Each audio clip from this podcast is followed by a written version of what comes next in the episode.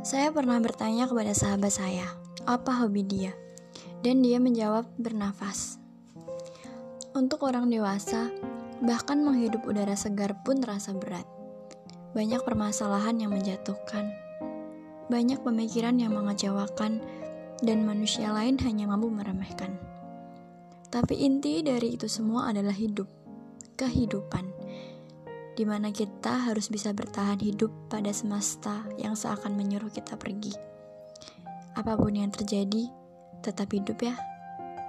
Gak apa-apa, besok juga akan sembuh.